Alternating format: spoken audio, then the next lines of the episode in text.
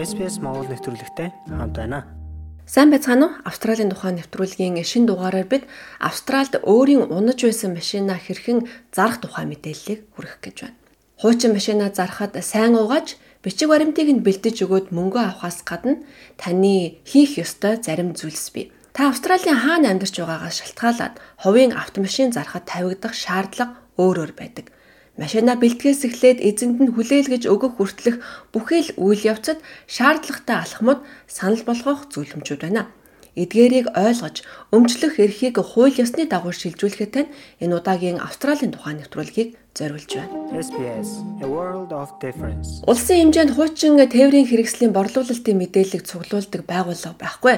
Гэхдээ Австральд хуучин автомашины зах зээл шин тээврийн хэрэгслийн зах зээлээс бараг 3 дахин том байна гэсэн тооцоо бий. Тэгэхээр танд автомашина борлуулж болох том зах зээл байна гэсэн үг. Гэхдээ машина зарахад юунд анхаарах ёстой вэ?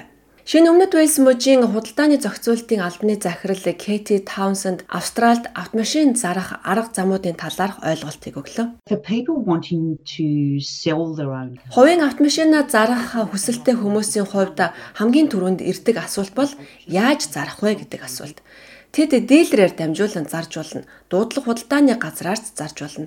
Эсвэл янз бүрийн борлуулалтын платформуудын аль нэгийг ашиглан хэн нэгэнд шууд өөрөө буюу хуваараа зарах боломжтой. Энэ бүхнийг мэдээж одоо онлайнаар хийж болно selling platforms most of which of course are on now online. Дилерээр эсвэл дуудлага худалдааны газраар машинаа зарах нь олон асуудлыг нэг дор шийдэх хамгийн нийтлэг бөгөөд сонгодог арга гэж тооцогддог. Гэхдээ та энд машинаа тулсан хамгийн сайн үнд хүргэх боломжийг олгохгүй. Автомашины дилерээр дамжуулан зарахтай холбоотой зардлыг бодож үзэх нь чухал. Учир нь тэд таны машиныг зарахтаа өөрөөр хэлбэл та дуудлага худалдааны газрыг сонгуул зарах үнийн дүнгийн 10-аас 15 орчим хувьтай тэнцэх хэмжээний шимтгэлийг төлнө гэж тэрээр ярьсан юм а. Харин өөрөө хуваараа зарах бол машиныхаа бүртгэлийн бичиг баримтыг сайтар бэлтэх хэрэгтэй. Ямар ч худалдаа авагч тээврийн хэрэгслийн бүртгэлийн бичиг баримтыг ном журмын дагуу байгаа эсгээ шалгахыг хүснэ. Тэр ч байтугай таныг жинхэнэ эзэмшигч мөн эсхийг баталгаажуулахыг хүсч таны үнэмлэхийг үзэж болох уу гэж асууж болно. Тэд мөн тээврийн хэрэгслийн дэлгэрэнгүй мэдээллийг шалгахыг хүсэх болно. Тиймээс тэд бүртгэлийн хуудсан дээр байдаг VIN эсвэл за явах эд ангиудын дугаар зэрэг мэдээлэл авахыг хүсч болох юм. Энэ нь үндсэндээ хувийн эмчийн бүртгэлээр машиныг илүү сайн шалгах зорилготой юм. Хуваараа машин зарж байгаа бол машинаа сурталчлахдаа тээврийн хэрэгслийн байдал, илэгдлийн талаар үнэн зөвөөр нь хэлдэг байх нь чухал юм. Car Sales онлайн платформын хэрэглэгчийн маркетингийн менежер Кара Фела бидэнтэй ярилцсан юм а. It's all around transparency so being transparent. Бүх зүйл ил тод байхан дээр. Тиймээс автомашины түүх болон худалдан авагчдад мэдгэхийг хүсч болох аливаа дутагдлын талаар өөрийн зартаа ил тод нээлттэй хэлэх нь зүйтэй. Энэ нь боломжит худалдан авагчтай биелжлэн уулзлаад үнэхээр туслах болно бас худалдан авах хүнтэй уулзах өдөр ямар нэгэн эвгүй гинтийн зүйлээс зайлсхийд хийхэд тань туслана.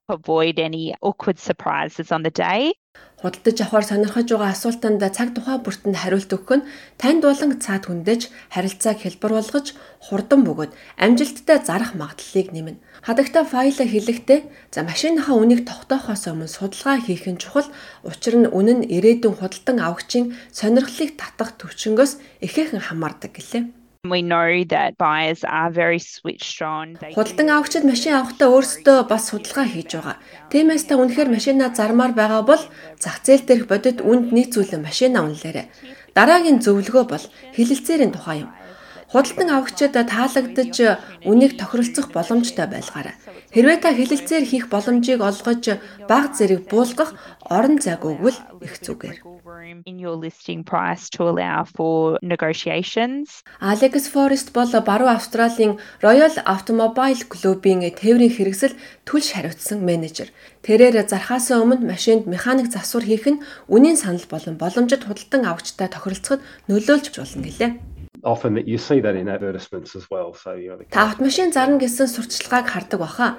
Машинд засвар үйлчилгээ хийсэн шин дугуйтай гих мэтэр бичих нь сонирхож байгаа худалдаа авахчид илүү сайн хүрдэг. Харин үүнийг эсэргээр худалдан авахч шин дугуй, шин зай, яндан, за мөн тороос эсвэл юу ч байж болно. Солих хэрэгтэй юм байна гэж болно. Тэгвэл та очиод засчих, тэгээд үнийн талаар дахин тохиролцож болно.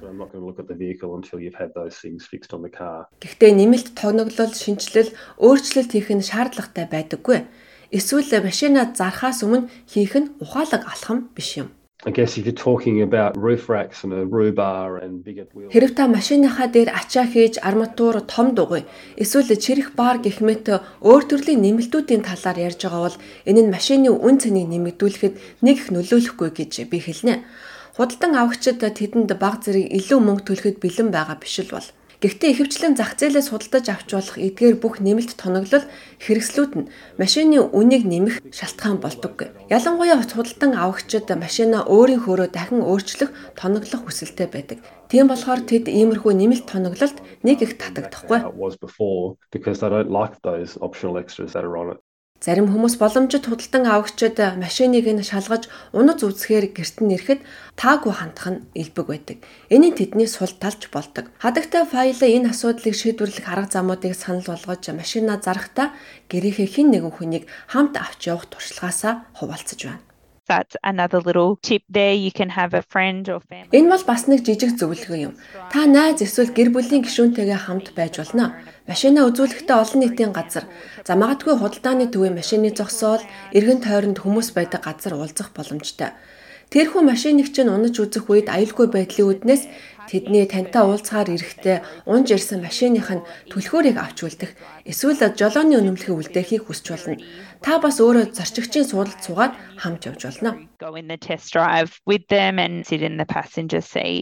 Танаа мууч нутаг дэвсгэрээс хамааран тээврийн хэрэгслээ зархаасаа өмнө стандартын шаардлага хангасан эсгийг шалгах шаардлагатай болж болно.